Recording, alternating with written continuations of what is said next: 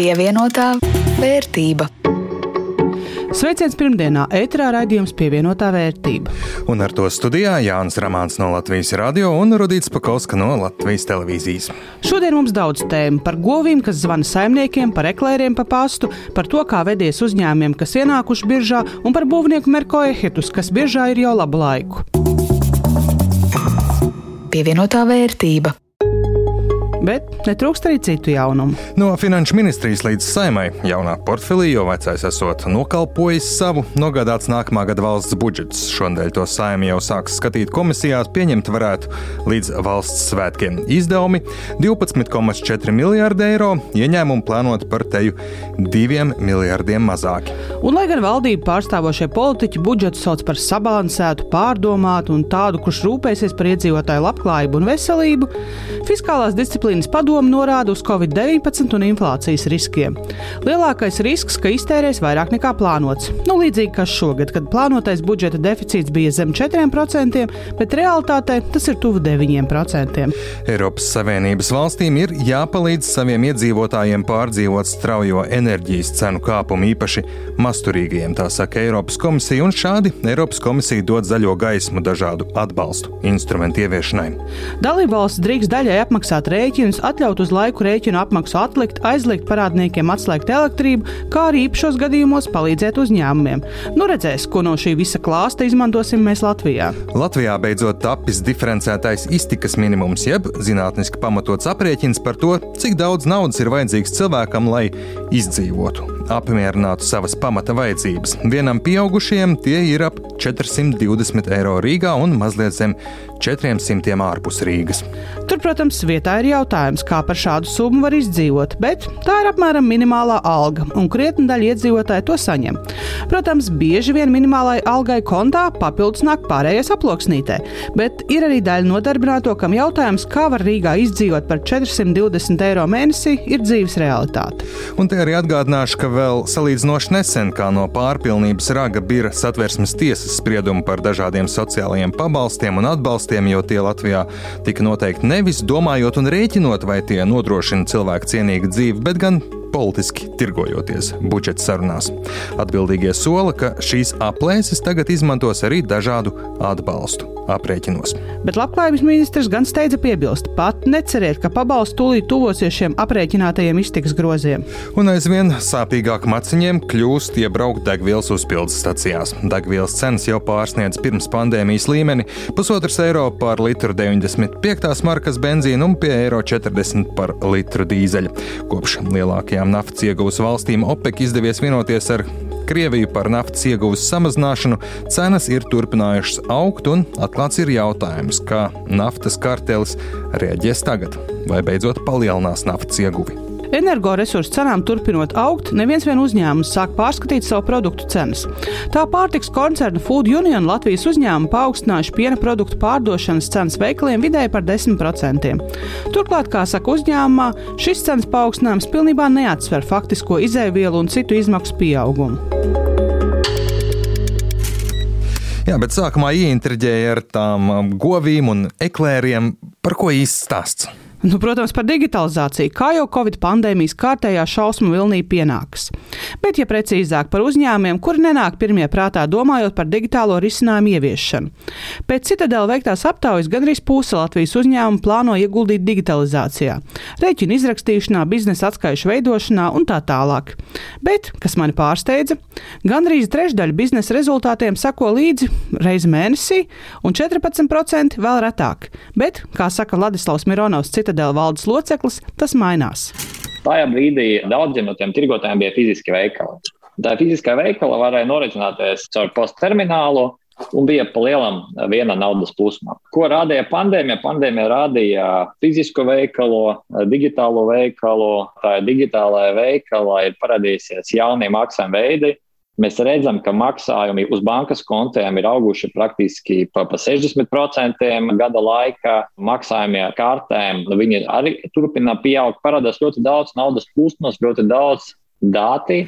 Un par dažādiem risinājumiem domā pat uzņēmumi, kuru biznesa pirmajā mirklī nesaistās ar digitalizāciju, piemēram, piena lopkopību. Kur piena lopkopībā digitalizācija govis sūta izziņu, ka viņas jāslauc? Zvana arī. Tārgalītē, kur ir 264 slaucamas govis, ieviesis slaukšanas robots. Tas nozīmē, ka govis tiek slauktas nevis tad, kad slaucēji ierodas, bet jebkurā laikā, kad vien tās to vēlas.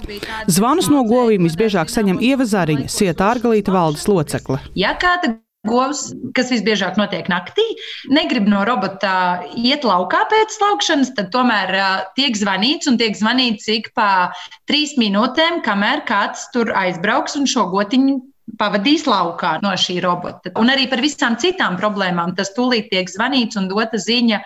Nu, vienalga, kur es atrodos. Uzņēmums ieguldīs 1,8 miljonus eiro un izlemt to darīt, nemaz nesot bijis viegli. Sākotnēji tas vispār šķita uh, Nu, es negribu teikt, neiespējami, ja, bet nu, tas likās dulli. Bet tad, šobrīd, un tas, kas mūs galvenais virzīja uz to, tas bija, diemžēl, bet darba spēkā trūkums nozarē kas mudināja, nu, tomēr, lai mēs varētu pievērsties šī lopkopībai tā nopietni un tiešām domāt vairāk par, par šīm gotiņām, nevis par cilvēku, kurš tomēr vai ieradīsies darbā vai neieradīsies darbā, un vai savu darbu pildīs uh, apzinīgi.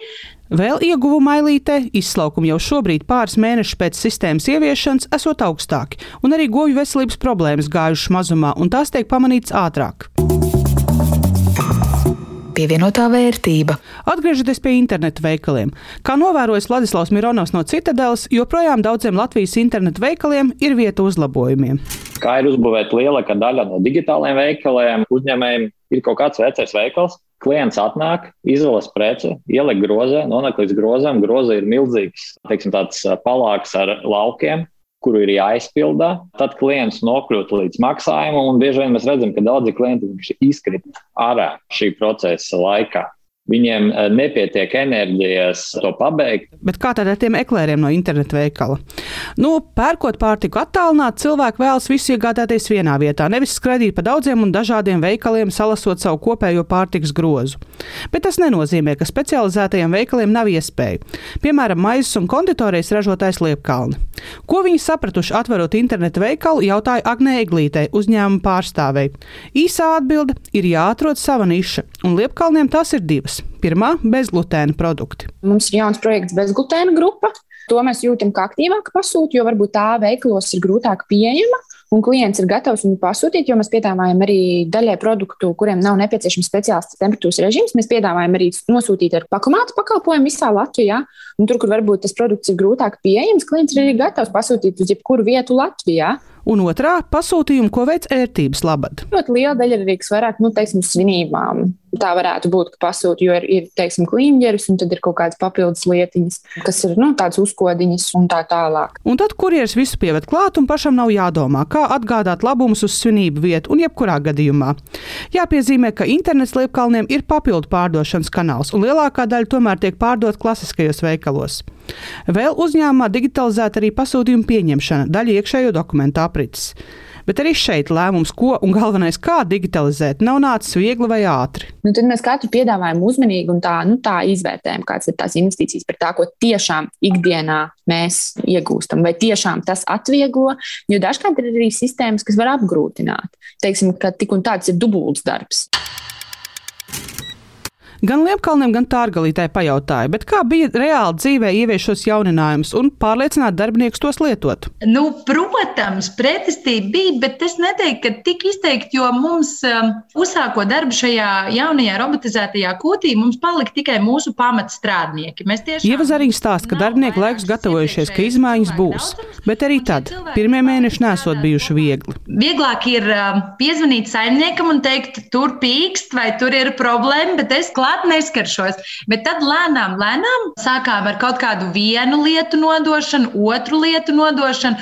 Un šobrīd jau es droši varu teikt, ka Viņi ir lepni par to, ka viņi spēj to visu nu, izdarīt un menedžēt. Arī Liepkalnos ir skaidrs, pats no sevis nekas nenotiek. Teiksim, tas darbs nebeidzas tikai pie ieviešanas vai programmas izstrādes un licences iegādes. Tā otra puse sākas tiešām tad, kad ir tas jāpielieto ikdienā, Tad, kad ir tiem cilvēkiem, kas ikdienā strādā, ir tā sistēma varbūt jāpieņem. Bet te, kā saka Agnēglīte, ja jauninājums tiešām palīdzēs darbiniekiem strādāt, atvieglos ikdienu, itin ātri pat lielākie skeptiķi sāks to izmantot. pievienotā vērtība. Labāk nekā cerēts, tāds šķiet ir kopējais vērtējums par pēdējo dienu jaunienācējiem biržā. Sākotnējais akciju publiskais piedāvājums gan Latvijas finanšu uzņēmumam Delfin Group, gan Igaunijas zaļās enerģijas nozares pārstāvim Enefit Green. Delfin Group akcijas iegādājās gandrīz 6000 investori, kopā uzņēmumam piesaistot mazliet virs 8 miljoniem eiro. Un, ja tas, ka lielākā daļa investoru bija no Igaunijas, bija gaidāms, galu galā viņiem ļaujot izņemt un pašiem ieguldīt, kur vēlas pensiju otro līmeni, tirgu iepludināts krietnes kapitāls, tad, citējot Inval Asset Management valdes priekšsēdētāju Andreju Martinovu, lielā interese no Latvijas, vairāk nekā tūkstoši investoru, bija pārsteigums. Krietni lielāks bija Enefit Green akciju piedāvājums. Tur piedalījās virs 60 tūkstošiem investoru un uzņēmums piesaistīja 175 miljonus eiro. Jāni, vai tu kaut ko no šī piedāvājuma iegādājies? Jā, laikam nepatriotiski, bet izmantoju Enefit Green piedāvājumu, bet delfīnus laidu garām. Un tu? Es vēl nē, un tādēļ joprojām sēžu uz saviem 60 eiro, kas šobrīd nekur nav investēti. Nu, paskatīsimies, kāds beigās izskatīsies virsmu IPO, bet kopumā mans portfels atspoguļo kopējo pesimistisko tendenci Baltijas biržās. Turos ap 36% ienesīgumu, nekam būtiski nemainoties. Un kā tev kopumā portfels izskatās? Mans portfels mazliet atguvies, jo Igaunija kūpanks šodien kāpums par 5%, un viņi manā portfelī tādi diezgan trekni aizņem daudz vietas. Kopējais pieaugums turas virs 50%, par spīti tam, ka Tallink turpina iet pa burbuli. Tur ceru, ka kaut kad tālā nākotnē pēc pandēmijas viss atkal būs labi. Bet šoreiz plašāk par kādu uzņēmumu, kurš nav tavā portfelī. Merko Ehitus uzņēmums specializējas plašā būvniecības spektrā, sākot no ēku būvniecības, inženieru būvēm, piemēram, viaduktiem, ostām, spēkstacijām un beidzot ar ceļu būvi. Un turpina Linda Zalāna.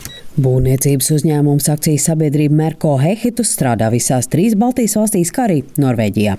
Katrā no valstīm holdingam ir meitas uzņēmums, kuros nodarbināti gandrīz 800 darbinieku. Latvijā Merko Hehitus meitas uzņēmums ir Siamērks. Latvijas būvniecēju partnerības vadītājs Gins Miķelsons uzsver, ka Merko Hehitus Baltijas mērogā ierindojas spēcīgāko būvniecības tirgus dalībnieku desmitniekā. Līdzsekus būvniecībai uzņēmums darbojas arī nekustamā īpašuma jomā. Šobrīd Latvijā Merks būvē arī daudz dzīvokļu namus un ir aktīvs publiskā iepirkuma jomā. Dažādi veidi publisku lielu jaunbūvis, rekonstrukcijas, pārbūvis, protams, arī infrastruktūras projekti. Merks ir labs piemērs tādam lielam būvniecības uzņēmumam, kurš kotējās fondu biržā. Tas, protams, nu, pievieno vērtību pašam uzņēmumam, tam, kā viņš tirgū strādā, kā viņš komunicē ar, teiksim, pasūtītājiem, piegādātājiem, partneriem. Mēs kā būvniecēji partneriem, protams, gribētu tādā vidējā termiņā redzēt vairāk Latvijas uzņēmumus, kuri kotē tos fondu biržā jo tas iedot šo te spēju būt nākamajā līmenī, būt daudz atvērtākam, caurspīdīgākam, jo tas ir tas, ko sabiedrība šobrīd sagaida. Savukārt, vērtējot Merko Ehitus akciju pievilcību, uzkrājumu un ieguldījumu eksperts Kaspars Pēcinieks, vērtējot akcijas cenu pēdējos piecos gados, teica, ka var secināt, ka tā ir pieaugusi par 75%, un tas, protams, vērtējums pozitīvi. Taču īstenībā lielākā daļa no šī pieauguma ir notikusi tikai pēdējā gada laikā. Pirms tam četros gados bija gan uz augšu, gan uz leju, teiksim tā, bez būtiskām izmaiņām. Salīdzinot ar eh, pirms eh, laika apskatīto pro kapitālu grupu, eh, Merko Ehitas akcionāriem ir bijis nodrošināts būtiski augstāks pienesīgums, un kopš IPO Merko Ehitas akcijas cena ir pieaugusi par 120%. Pretstatā pro kapitāla grupa 33% kritumam. Eksperts uzsver, ka vērtējot Merko Ehitas finanšu rādītājus, jāatceras, ka uzņēmums darbojas būvniecības jomā un arī pats attīsta nekustamos īpašumus. Ja vēl būvniecības jomā varētu lūkoties pēc nu, plus mīnus stabilu apgrozījumu un peļņas rādītājiem no gada uz gadu, tad uh, nekustamā īpašuma attīstīšanā ir jāsaprot, ka apgrozījums un peļņa tiek fiksēti pārdošanas brīdī. Ja skatāmies ilgākā laika periodā, tad Merko eksports spēj uzrādīt augšu vērstu, tendenci apgrozījumā, Un, lai arī iepriekšējos dažus gadus tas bija augstāk nekā 20. gadā, tomēr kopumā tādā ilgākā periodā viņi spēja augt. Un pats svarīgākais, tas neto peļņa ir būtiski augusi pēdējo deviņu gadu laikā. Un, ja skatāmies uz šī gada pirmo pusgadu, tad arī apgrozījums salīdzinot ar iepriekšējā gada pirmo pusgadu ir pieaudzis par 12%, savukārt neto peļņa par 19%. Merko Ehitus mājaslapā publicētā informācija liecina, ka uzņēmums izmaksā dividendes 50 līdz 70% apmērā no iepriekšējā gada peļņas. Pie pašreizējās cenas dividendžu ienesīgums ir 6,78% un pēcinieks teica, ka tas vērtējums kā pievilcīgs. Protams, no vienas puses mēs visticamāk katrs esam dzirdējuši par īpaši lielu aktivitāti mājās, tirgos pēdējā gada laikā. Tas varētu vedināt domāt par uh, iespējām nopelnīt vairāk, tomēr no otras puses ir tas, ka būtiski pieaugušas izēvielu cenas, kas savukārt no otras puses rada spiedienu uz peļņas maržām. Un kopumā man neto efekts acīs potenciāli šķiet pievilcīgs tādiem ieguldītājiem, kuriem ir svarīgs uh, salīdzinoši augsts dividendu iemestīgums, taču no otras puses ir spēja pārvarēt arī gan augstu akciju cenu svārstīgumu. Eksperts teica, ka tuvākajos gados nesagaida, ka uzņēmums ievērojami kāpinās peļņu, tomēr augstais pieprasījums būvniecības jomā pēc mājokļiem ļaus uzņēmumam audzēt gan apgrozījumu, gan peļņu. Linda Zalāne, Latvijas radio. Un ar to arī skan šīs nedēļas raidījums pievienotā vērtība. To veidoja Rudīts Pakausks no Latvijas televīzijas un Jānis Ramāns no Latvijas radio. Atgādināšu šo un iepriekšējos raidījumus var noklausīties Latvijas radio mājaslapā un arī raidierakstu klausīšanās vietnēs. Un tur var arī atrast papildu saturu, garākas intervijas un reizēm arī plašāks raidījums. Uz tikšanos pēc nedēļas! Pievienotā vērtība.